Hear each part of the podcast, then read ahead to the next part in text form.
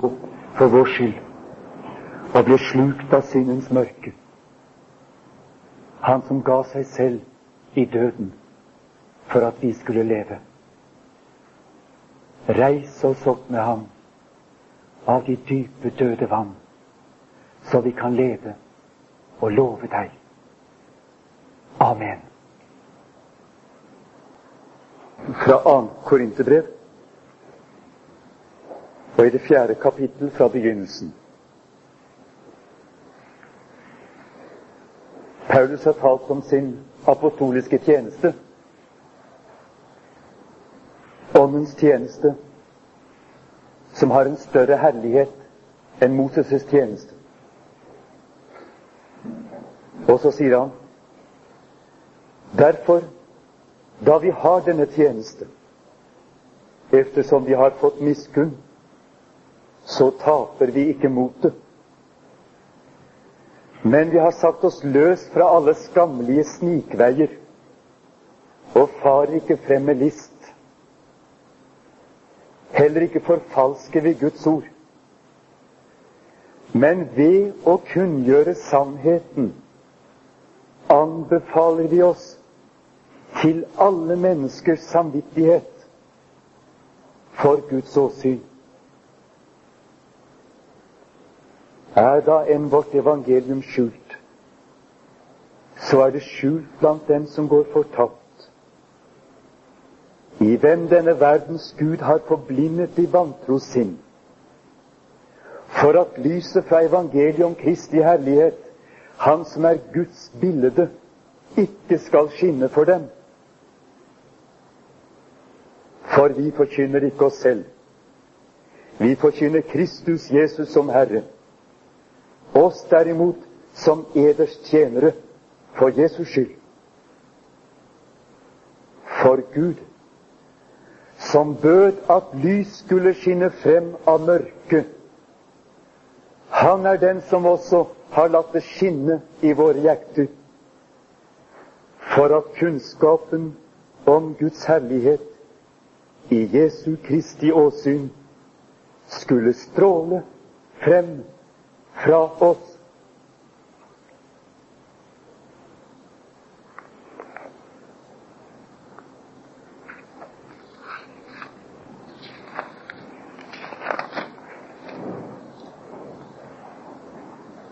I begynnelsen skapte Gud himmelen og jorden.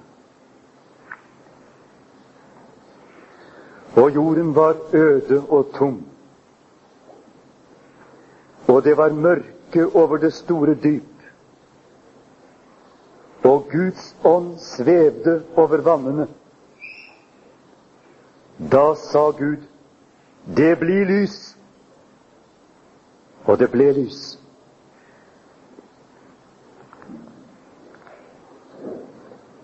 Gud, som bød at lys skulle skinne frem av mørket. Han er den som også har latt det skinne i våre hjerter for at kunnskapen om Guds herlighet i Jesu Kristi åsyn skulle stråle frem fra oss.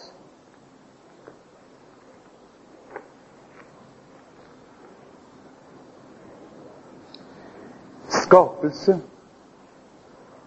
og frelse, det er i Skriften ikke to forskjellige ting. Men det er dypest sett én og samme handling. At Gud griper inn i død, mørke, fortapelse og skaper nytt liv ved sitt ord og sin ånd.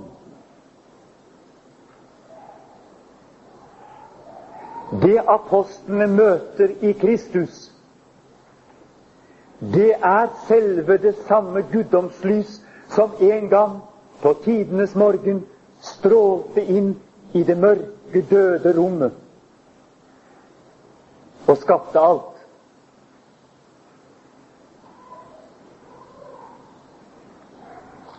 Og Derfor er det Johannes kan begynne sitt evangelium, som dere kjenner det bare så altfor godt.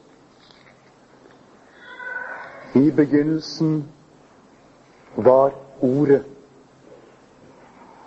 Og ordet var hos Gud. Og ordet var Gud. Han var i begynnelsen hos Gud. Alt er blitt til ved ham. Og uten ham er ikke noe blitt til av alt som er blitt til.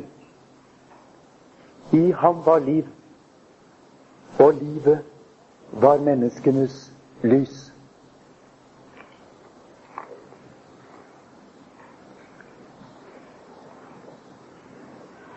Det Johannes vil si, er at det skaperord som Gud ropte inn i mørket da han skapte verden Dette skaperord har kommet oss i møte i dette mennesket, Jesus Kristus. Han er Ordet. På gresk logos. Og det betyr mer enn ord. Det betyr mening.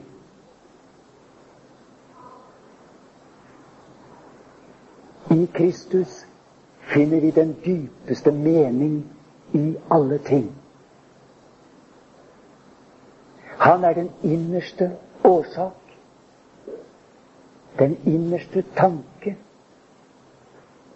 den innerste hensikt, den innerste mening i alle ting. Kjernen som alt annet så å si stråler ut fra. Grunnordet som har alle andre ord i seg. Ja, som har hele skapningen i seg. Om du bare kunne tolke det og forstå det.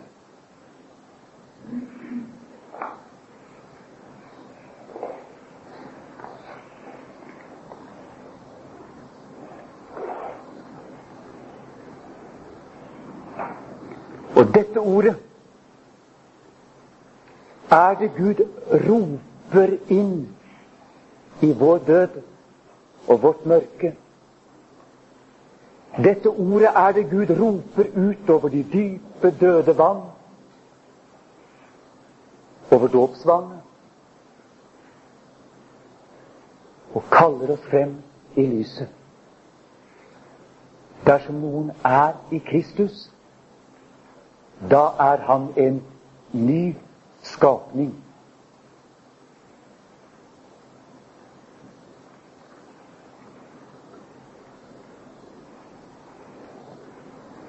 Bare slik kan vi kristne lese denne teksten. Fordi vi har lært ham å kjenne, han som er vår rabbi, han som er vår mester, vi som er hans disipler. Det er fra ham vi har mottatt dette guddommelige ord. Ikke fra skriftlærde og fariseere, ikke fra rabbinere, men fra ham, rabbin fra Nasaret. Den korsfestede. Han som selv er Ordet. Han som selv steg ned i den dype, forferdelige dåp for å skape det nye livet. Ja, en ny himmel og en ny jord.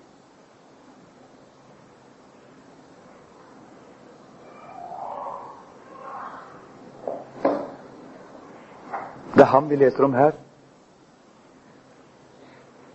Det er denne virkelighet som ligger under også i den første skapelse. Når Gud uttrykker seg selv,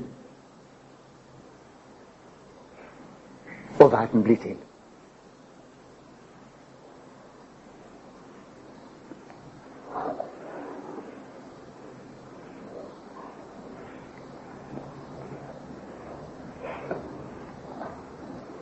Og jorden var øde og tom. Og det var mørke over det store dyp. Og Guds ånd svevde over vannene. Da sa Gud, det blir lys. Og det ble lys. Og Gud så at lyset var godt. Og Gud skilte lyset fra mørket. Og Gud kalte lyset dag, og mørket kalte han natt. Og det ble aften, og det ble morgen, første dag.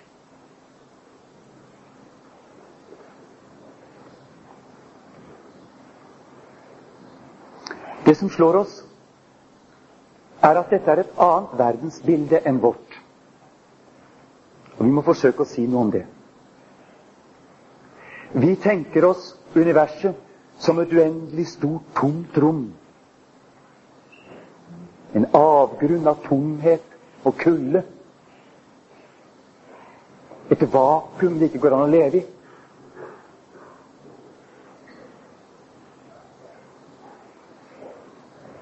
Profetene tenker annerledes. De tenker seg universet opprinnelig som et urhav. Et stort, dypt, mørkt hav. Som er totalt livløst som det døde hav. Og som fyller alt med sitt nærvær. Og for dem er dette dype, døde, mørke hav nettopp et uttrykk for det samme som når vi tenker det tomme kosmos. Det totalt livløse. Det livstynende. Avgrunnen som ingenting kan leve i.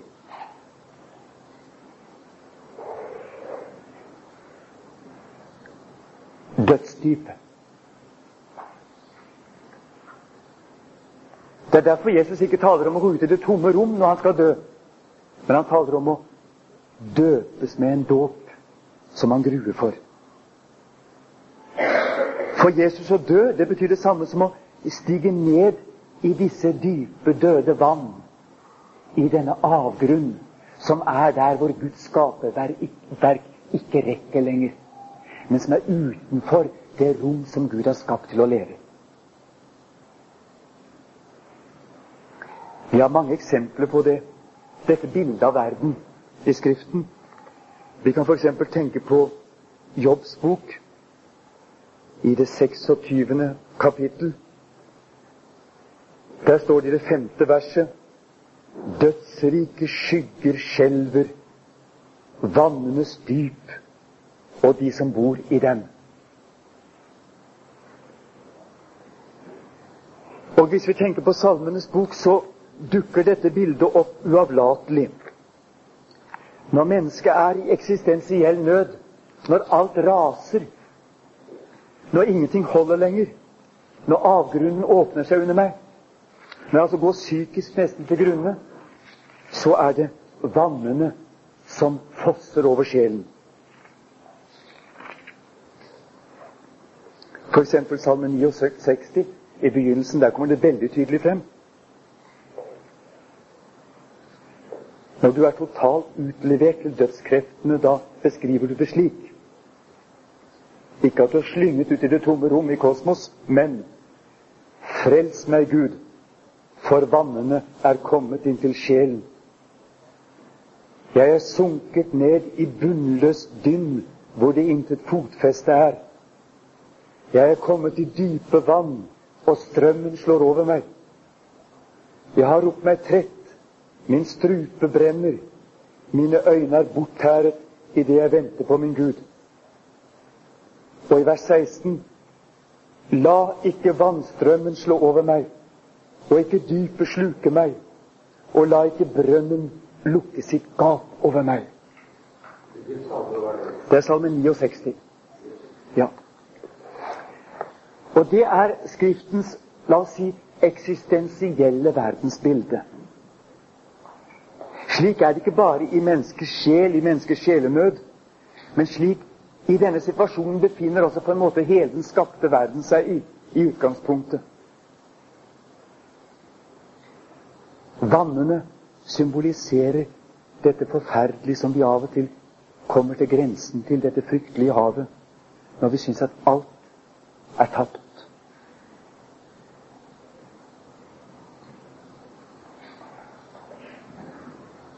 Og inn i denne forferdelige virkelighet er at Gud bygger sin verden. Og vi kan si han bygger den som en, som en ark. Han bygger den som et rom i disse forferdelige vann. Det er en helt annen måte enn oss å tenke på. Vi tenker oss verden som et lite romskip, som en liten rund klode med luft omkring, som går rundt solen. ikke sant? Og vi bruker da romskipsbildet og sier at verden er et romskip, sier vi. Det er blitt vanlig å si det nå. Det er det eneste romskipet vi har. Og Det er vår måte å tegne vår eksistensielle situasjon på. Og så må vi huske på at dette er den eneste romskipet vi har. Dette er det lille livsrommet vårt, sier vi. Utenfor er bare døden og kulden. Skriften, ut fra sin basistenkning, så tegner den verden annerledes. Den tegner verden som, et, som en Noas ark. Det er slik verden tegnes og avbildes. Vi kan godt bruke Noas ark som et forbilde. En slags et rom som flyter midt i de forferdelige, det forferdelige havet. Og som er truet av dette havet fra alle kanter. Men i kraft av Guds omsorg og barmhjertighet så, så holder veggene.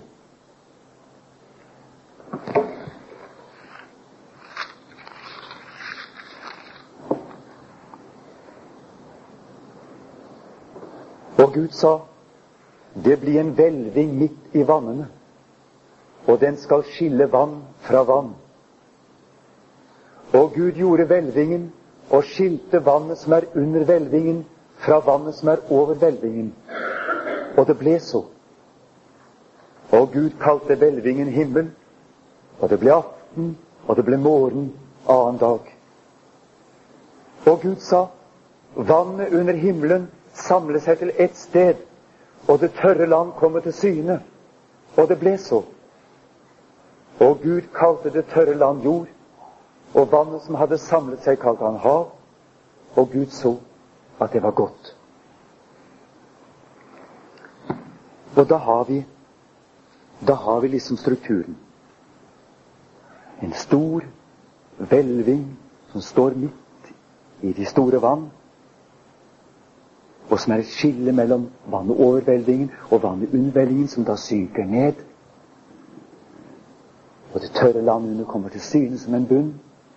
Og i dette rommet er det altså at menneskene og dyrene og plantene har mulighet for å leve. Men utenfra, ovenfra og nedenfra truer kaosmaktene. Det var det som skjer i syndfloden. Der står at himmelens sluse ble åpnet, og bunnventilen gikk ut. Og hele dette rommet ble fylt. Fordi Gud tok sin velsignelse bort. Og da fløt bare Noas ark som en bitte liten kopi midt inni den druknede verden.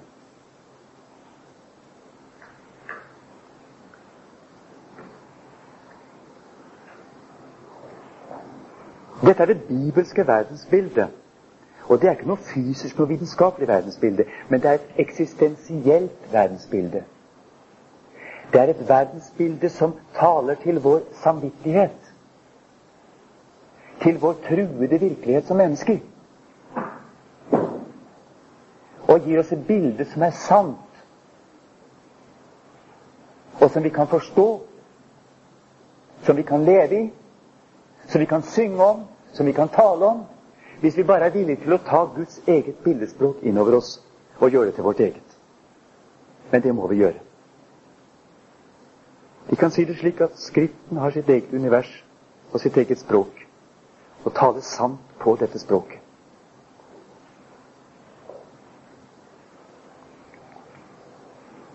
Og så kommer da historien videre hvordan Gud utstyrer denne verden med dyr, med planter, med fisker, med hvaler og alt sammen. ikke sant?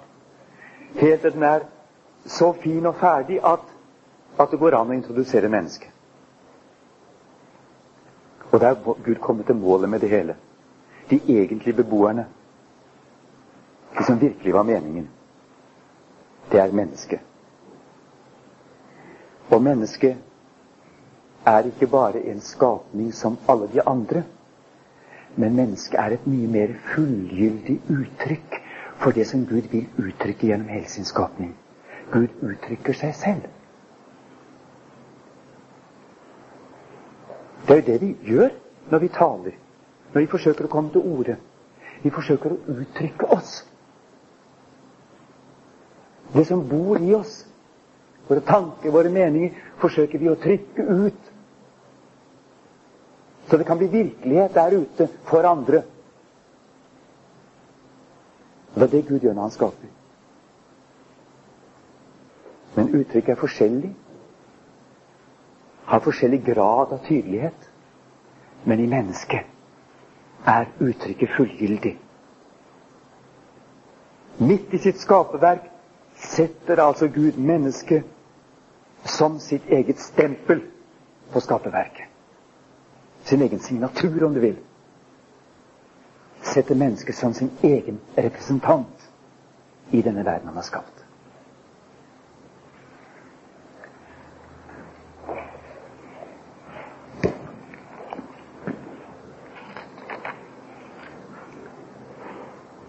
Og Gud sa fra vers 26.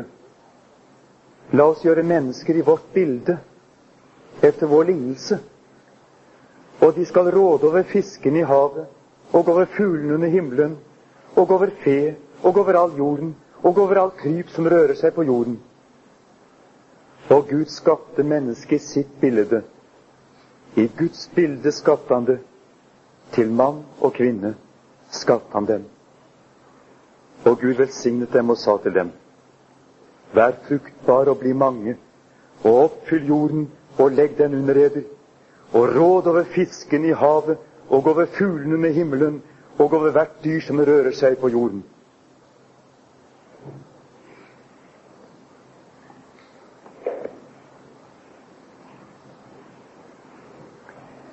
Men før vi snakker videre om hva det vil si å være Guds bilde, og det vil igjen si før vi snakker videre om selve skapelsens mål og mening for Gud, så må vi ta opp en annen ting også. Det er selve tidsstrukturen i denne skapelsesberetningen. Vi har fått et visst innblikk i den måten man tenker kosmos på. Man tenker kosmos som en levende, påtrengende virkelighet. Ikke bare noe som vi ser på vitenskapelig, men som virkelig oppleves gjennom tegn Tidsstrukturen er syv dager. Det er bare disse syv dagene Gud bruker til å skape himmelen og jorden og alle ting. Og det er noe vi ikke skal bortforklare, eller forsøke å forklare. Det er syv dager.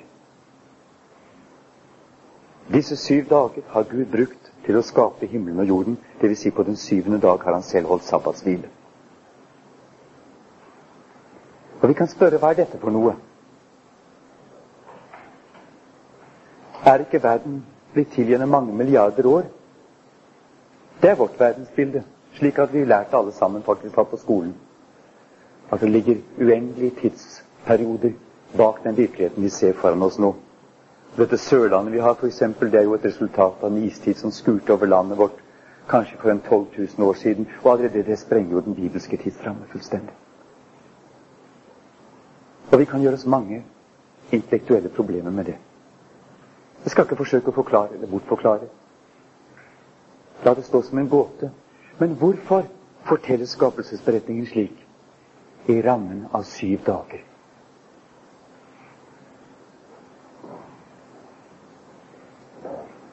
Jeg har våget å gripe den dristige tanken, og jeg tror den holder. Rett og slett fordi det fins ikke noen flere enn disse syv dagene. Disse syv dagene er tidens struktur. Det er den tid Gud har til rådighet. Det er som syv søyler som bærer hele tidsstrukturen. På samme måten som vannene fyller hele universet, kan du si, så har vi syv dager som er den bibelske tid. Det er jo uken. Den kjenner vi jo. Den går igjennom hele Skriften.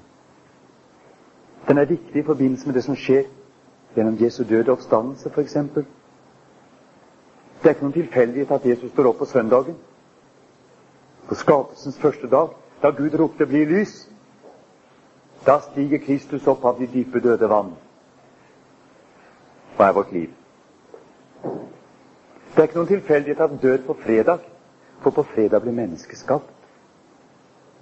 At han blir såret i siden, for ut av siden ble Adams side ble Eva tatt.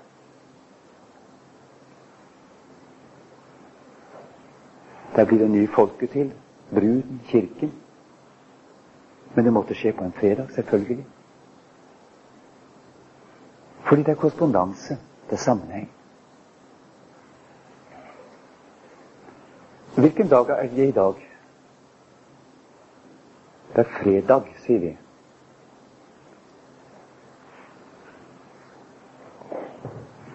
Hvilken dag var det i går? Torsdag, sier vi.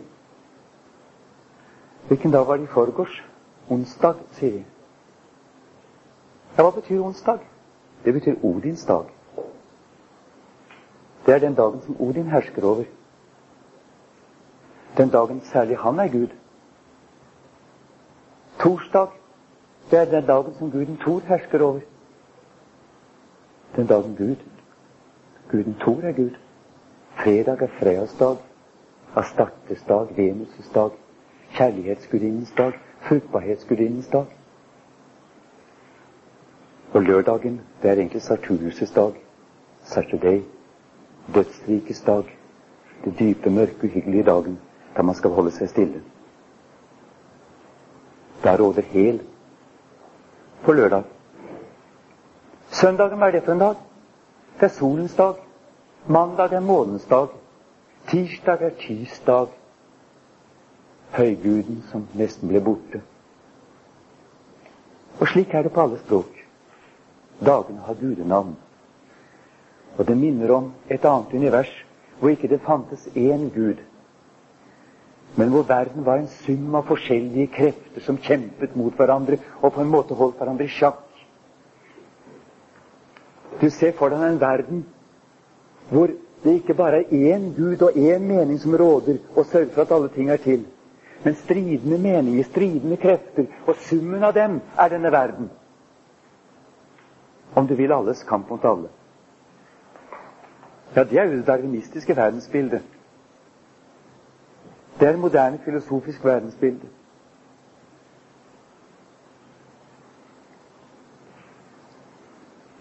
Og Disse dagene finner du igjen som tidsstruktur i hedenskap omkring Israel. Med andre navn på gudene, selvfølgelig. Men samme åndelige virkelighet. Og inn i dette rommet forkynnes Israels Gud, som har tatt hånd om alle dager. Og alle mine dager og alle mine tider er i din hånd. Og det er én Gud som råder over dem alle. Han har skapt tiden. Han har skapt tidens struktur. Og han har fylt denne tidsstrukturen med dette innhold som er omkring oss på alle kanter. Fugler og blomster og trær. Hav og fjell.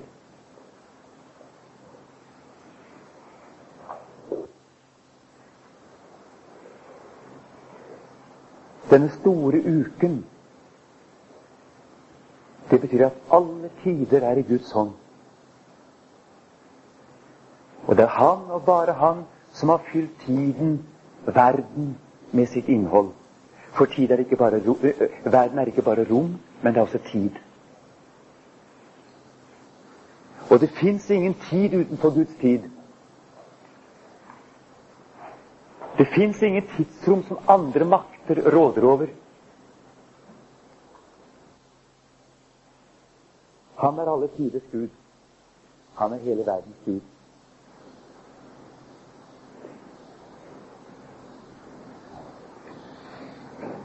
Jeg tror det er det som ligger i denne bekjennelse. Verden fylles opp i tiden. Og så, når tiden er fylt helt opp Det var ikke nok. Men i Jesus, Jesu person der falt også ukeskjema sammen med påskeskjema.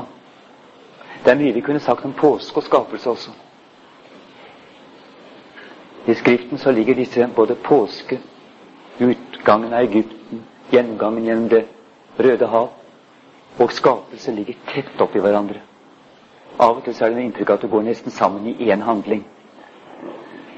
For i begge sammenhenger så handler det, handler det om Gud som skaper en ny virkelighet og frir sitt folk ut av de forferdelige kaosmaktene, bindemaktene, mørkemaktene, dødsmaktene.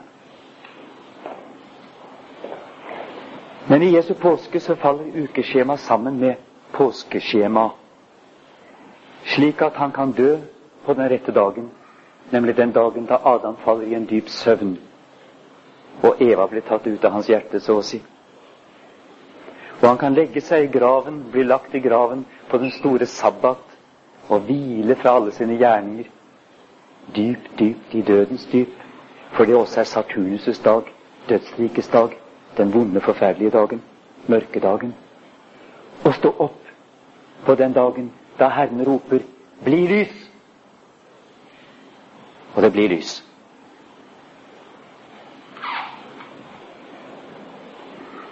Slik fyller Gud tidsskjema ved skapelse og ved forløsning. Og vi lever fremdeles i dette tidsskjemaet. Og det kommer til å vare til han kommer igjen. Kanskje en søndagsmorgen. Hva vet jeg? Når vi har gått inn i mørket, når alt bare er sabbat, og vi må slippe alle sine gjerninger, ikke vi kan gjøre noen ting i det hele tatt, når vi går helt til grunne, når vi syns vi blir lagt i graven, da vi virkelig får hvile fra alle våre gjerninger og slippe all vår gjerning, så kommer Han. Jeg tror det blir en søndagsmorgen, men vi vet ikke, selvfølgelig. Men derfor så lever vi i dette tidsskjemaet i dag. Det er det som bestemmer hele vår livsrytme. Lørdag og søndag. Når vi går inn i helgen og opplever oppstandelsen med hele kristenfolket. Lyset kommer, frelsen kommer, skapelsens og oppstandelsens mål. Og Det er Guds måte å skape struktur på.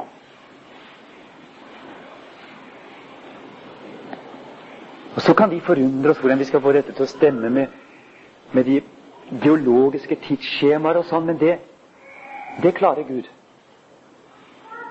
Denne strukturen ligger skjult der også. Det kan vi være overbevist om. Men for oss enkle mennesker som lever fra dag til dag i vår hverdag, så er en uke mer enn nok. Det vet vi. En uke er mer enn nok. Men vi burde venne oss til å lese skapelsesberetningen og tenke på hva som blir skapt på de forskjellige dagene. Og si at ja, i dag er det den dagen da fiskene ble skapt, sier vi. Det vil si, I dag må vi si i dag er det den dagen da mennesket ble skapt. Så det passer veldig fint egentlig at vi kunne begynne disse bibeltimene i dag. I dag ble mennesket skapt. Og i dag døde Jesus. Fordi han tok hele byrden av å være menneske på seg. Og falt altså i den dype, forferdelige søvn.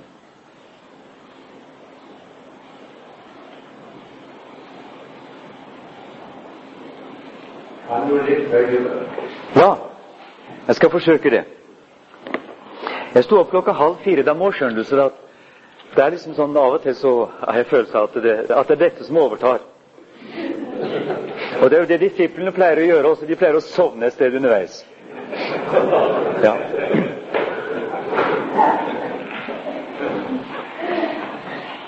Men la oss komme tilbake til gudsbildet. Hva mennesket var skapt til å være. Hva vil det si egentlig å være Guds bilde? Jeg tror at det er riktig å se det sånn at det å være Guds det betyr å være Guds representant. Det betyr å være satt opp midt i skaperverket, omtrent på samme måten som Østens store konger, når de hadde erobret et område, lagt det under sitt rike, så oppstilte de et bilde av seg selv.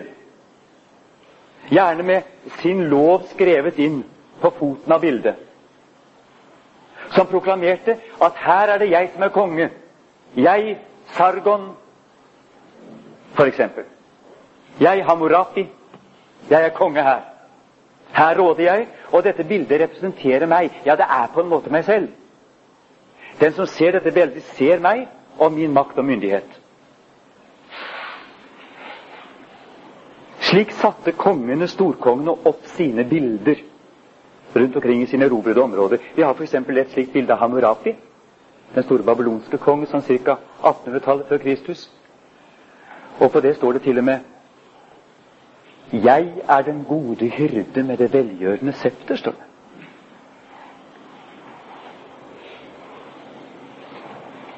Slik presenterer en konge seg som den gode hyrde med det velgjørende septer. Og vi minnes jo en annen som sa noe lignende. Og i dette bildet vil kongen æres. Kongen er ikke selv til stede, men undersåttene og de underkastede skal ære kongen i dette bildet. Det er hans nærvær. På samme måte som Guden er nærværende i gudebildet. Derfor så kan også kongen krenkes gjennom sitt bilde. Den som forgriper seg på sånt bilde, f.eks. spytter på det, tisser på det, velter det, slår det i stykker, gjør egentlig det med kongen selv. Det er majestetsfornærmelse, og det er en uhyrlighet. Vi har et eksempel i Skriften som viser at Gud også oppfatter mennesker slik. Da kan vi gå til det neste sted hvor det tales om at mennesket er skapt i Guds bilde. Og det er i Første Mosebok i det niende kapittel.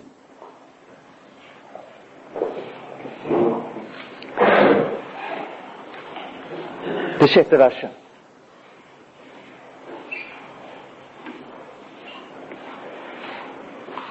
Den som utøser menneskets blod, ved mennesket skal hans blod utøses.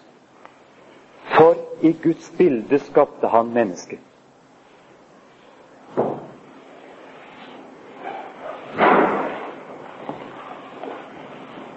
Altså å drepe et menneske, det er majestetsforbrytelse mot Gud selv. Og derfor skal det hevnes.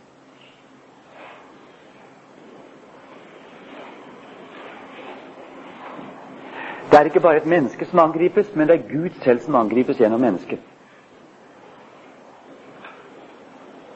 Det er Guds egen rett som er krenket. Guds egen hellighet. Fordi at selv etter syndefallet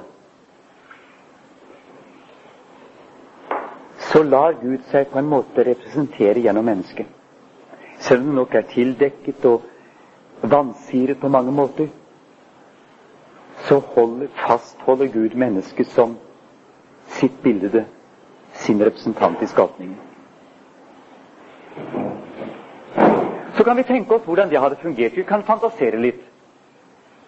Altså, når mennesket var Guds bilde, og virkelig sto frem som det for alle andre skapninger, hva skjedde da?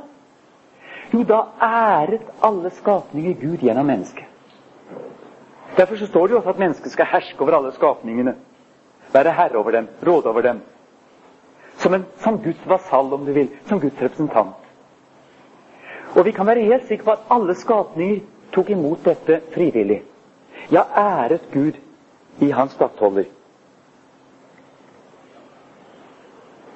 At når mennesket kommer, så forholder dyrene seg som om det er Gud selv som kommer, og de ærer Gud gjennom mennesket.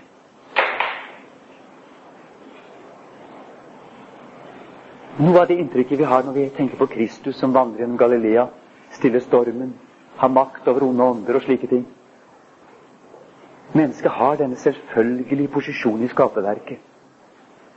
Fordi at skaperverket kjenner Gud igjen i mennesket.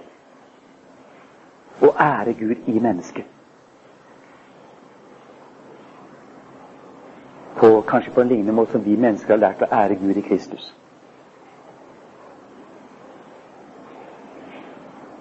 Det må ha vært omtrent sånn. Det står jo ikke noe om menneskets makt over skapningen, men allikevel så kan vi så si ut fra en indre visshet, ut fra en følelse av sånn må det være, vite at det er sånn. Ja, hver og en av oss vet det at hvis vi hadde vært fulle av tro, hvis vi hadde vært helt i Gud, hvis vårt liv, våre gjerninger, våre ord, våre tanker virkelig så til å ha strømmet ut av Guds kjærlighet, så hadde vi hatt et helt annet forhold til naturen enn det vi har i dag. Det fortelles om Frans av Assisi at han hadde noe av det. De ville dyrene møtte han på en annen måte enn andre mennesker. De så Gud i ham.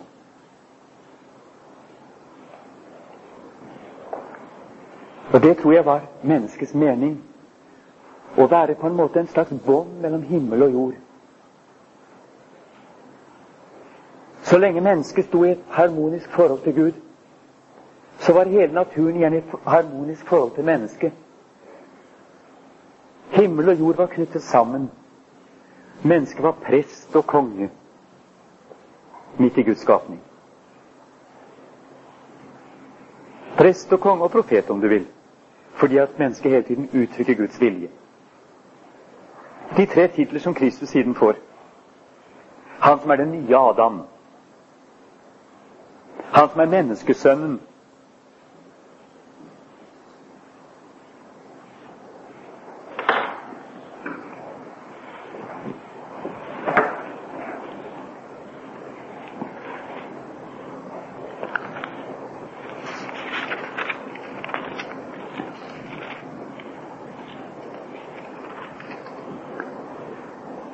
Når vi tenker slik, så, så tenker vi også på en måte inn i fremtiden.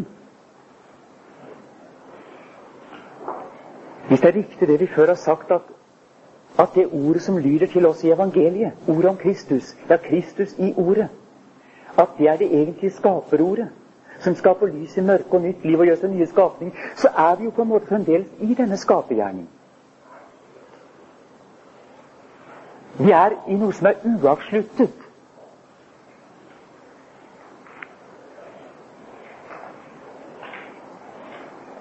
Det står jo til slutt at Gud fullendte på den syvende dag det verk han hadde gjort, og han hvilte på den syvende dag fra all den gjerning han hadde gjort.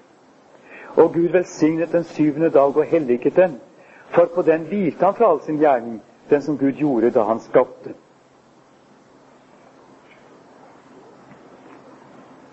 I dette kapitlet så hører vi ingenting om syndefall. Vi hører ikke om noen katastrofe. Gud fullfører en gjerning, ser at det er godt, og hviler. Og så begynner en ny historie i det andre kapittel. Dersom skapelseshistorien begynner om igjen. Og det har voldt mye hodebry opp gjennom tiden.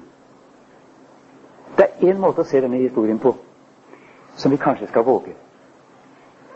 Og det er at dette første kapitlet og de første to versene i det neste kapitlet, som handler om skapelsen på de syv dager, det er på en måte en slags fullgyldig bilde av det som skjer fra den første dag og til den ytterste dag, da den virkelige Guds sabbat kommer, og Gud virkelig hviler fra alle sine gjerninger.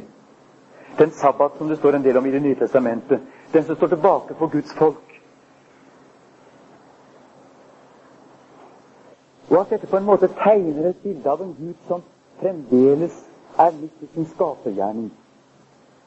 Som Jesus også sier 'Min Fader arbeider inntil nå, også jeg arbeider'. At på en måte det første kapitlet i skapelsesberetningen Det kan ikke bli galt å si det, i hvert fall. På en måte forteller hele historien. For det gjenstår jo en slik sabbat. Den er jo ikke her.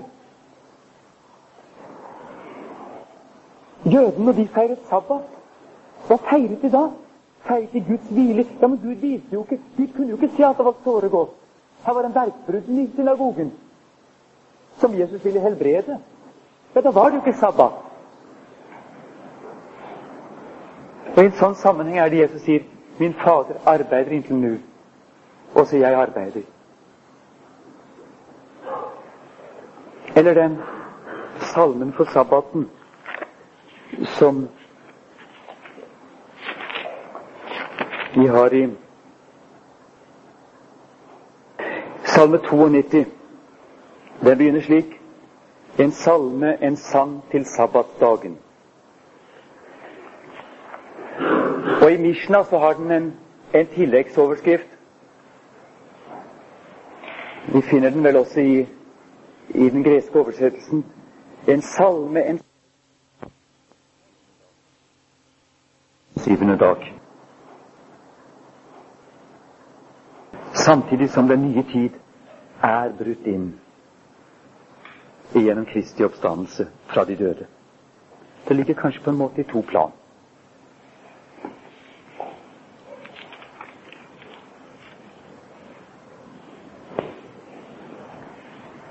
Så var det igjen mennesket, som er målet og meningen med det hele. Og mennesket her det er ikke skapt først som en mann og så som en kvinne tatt ut av mannen i denne historien, som vi nå har lest. Det kommer siden. Men her står det at han skaper dem som mann og kvinne, eller som mannlig og kvinnelig. Og disse uttrykkene de er klart kjønnsbestemte. Vi må si det sånn kvinnelig, det betyr det som går innover. Det brukes et ord om det. En innhulning, om du vil. Men det som er mannlig, der brukes et ord som uttrykker det å stikke, det å trenge inn. Altså et klart seksualbestemt uttrykk. De er skapt som to halvdeler av en helhet på en måte, ja, om du vil si som hånd i hanske. Den ene er mottagende, den andre kommer og trenger inn. Sammen er de en hel, hel, helhet og en enhet. Sammen heter de menneske. Og den kjønnsbestemmelsen er altså helt tydelig i teksten. Mannlig og kvinnelig. Og da brukes altså uttrykk som går på selve den forskjell i kjønn som gjør at vi kan møtes seksuelt. Men det ligger selvfølgelig ikke bare i det, for det er igjen en åndelig realitet. Det er spørsmål om å utfylle hverandre. Være det den andre mangler i en helhet. Men det er de to, mann og kvinne sammen, bestemt for hverandre til denne totale handling som fører dem sammen og gjør dem til ett kjød, som heter Guds bilde. Og det kan heller ikke være noen tilfeldighet. Når vi ser hva ellers i Bibelen, hva bryllup betyr, hva høysangen inneholder, hva kjærlighetssanger, hva, sier, hva Paulus sier i Efeserbrevet om mann og kvinne, og alt dette som vi må komme tilbake til når vi skal tale om syndefallet. Det kan ikke være tilfeldig. Det er noe i denne helhetlighet bestemt for hverandre som uttrykker noe av dette, også hva det vil si å være Gud. Gud er kjærlighet, sier Johannes. Og det er kanskje ikke rettferdig tale å si at Vi snakker jo mye om nestekjærlighet, ikke sant? Det gjør vi. Da er vi ikke redd for å si at kjærligheten er fra Gud. Nestekjærligheten. Men hvem er mer neste på hverandre enn mann og kvinne som er dømt til å bo under samme tak? Og hvem har større muligheter til å gi seg totalt til hverandre. enn mann og kvinne som må sove i samme seng. Og det er ikke bare, det er ikke bare seksuelt. Det er på alle plan. Men det er totalt fordi det er på alle plan. Og i den opplevelsen av fellesskap, av meningsfylde, ser Gud en avglans av sitt eget vesen. Jeg tror vi skal våge den tanken.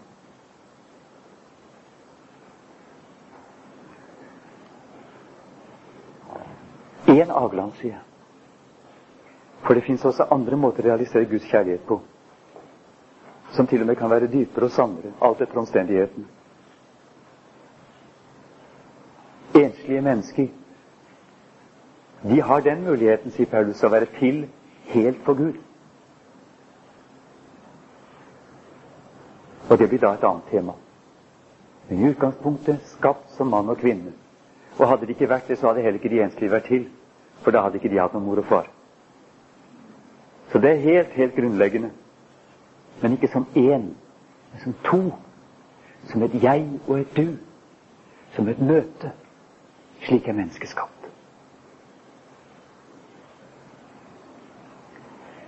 Men altså i åpenhet. i umiddelbarhet. De møter hverandre som de møter Guds skaperverk, og som skapningen møter dem. Så lenge forholdet til Gud er i orden.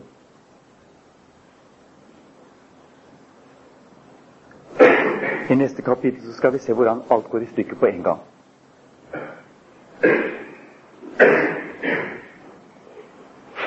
Men dette Dette blir også fullbyrdet gjennom evangeliet. Når Kristus kommer som den rette brudgom inn i verden, som den rette Adam Alle skapninger og liljer og blomster kjenner ham igjen, og kvinnene kjenner ham igjen. Særlig kvinnene kjenner ham igjen. Mange av evangeliets historier forteller om det. Hvordan kvinnene kjenner ham igjen som den rette, troverdige mann. Hvordan noe nytt, sant og helt kommer inn når den nye Adam kommer inn. Og hele skapningen stanser opp i forventning. Og det blir fullbyrdet i det som kalles for landets bryllup. Og det hører jo også sabbaten til, og fullendelsen til. Så et eller annet sted er også Kristus og menigheten skjult i denne historien. Det er jeg helt sikker på.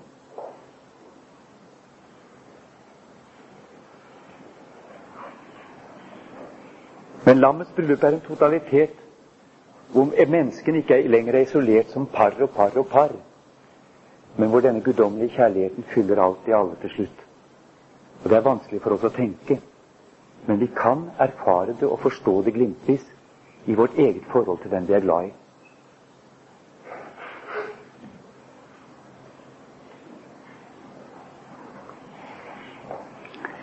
Det mangler enda veldig mye på at jeg har egentlig sagt noe særlig om denne teksten i det hele tatt. Men dette var for mitt forsøk etter å ha stått opp klokka halv fire da mors. Og jeg håper jeg ikke har trøttet dere altfor mye. Og så håper jeg at vi har lagt et slags grunnlag for det som da skal forsøkes å sies i neste bibeltime om det som samler oss, nemlig syndefallet. For det er jo fordi vi er syndere at vi har kommet sammen hit. Og det er fordi Gud vil ha gjort noe for syndere, og har gjort noe for syndere, at vi mener at det er viktig at vi kommer sammen. Det er fordi Gud har kalt oss til å være bærere av lyset. Ja, vi må slutte der vi begynte. For at dette lys, som en gang ble ropt ut i det store mørket da verden ble til, og som ble ropt ut i det store mørket da Jesus ble kastet ut i døden, det er dette lyset som skal stråle frem fra oss. Og Da slår vi igjen opp i 2. Korinterbrev, i det fjerde kapittel. Og det sjette vers. For Gud som bød at lys skulle skinne frem av mørket, han er den som oss har latt det skinne i våre hjerter, for at kunnskapen om Guds herlighet i Jesu Kristi åsyn skulle stråle frem fra oss. Han som er Guds bilde, han gir det lyset som skal stråle inn i vår verden fra oss.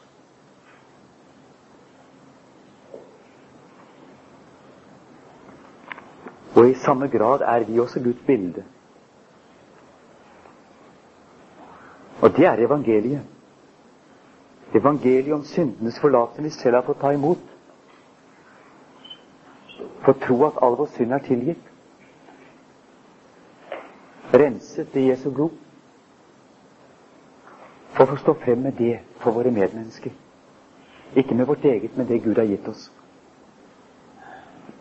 Som Guds barn og Guds bilde. I er verdens lys, sier Herren.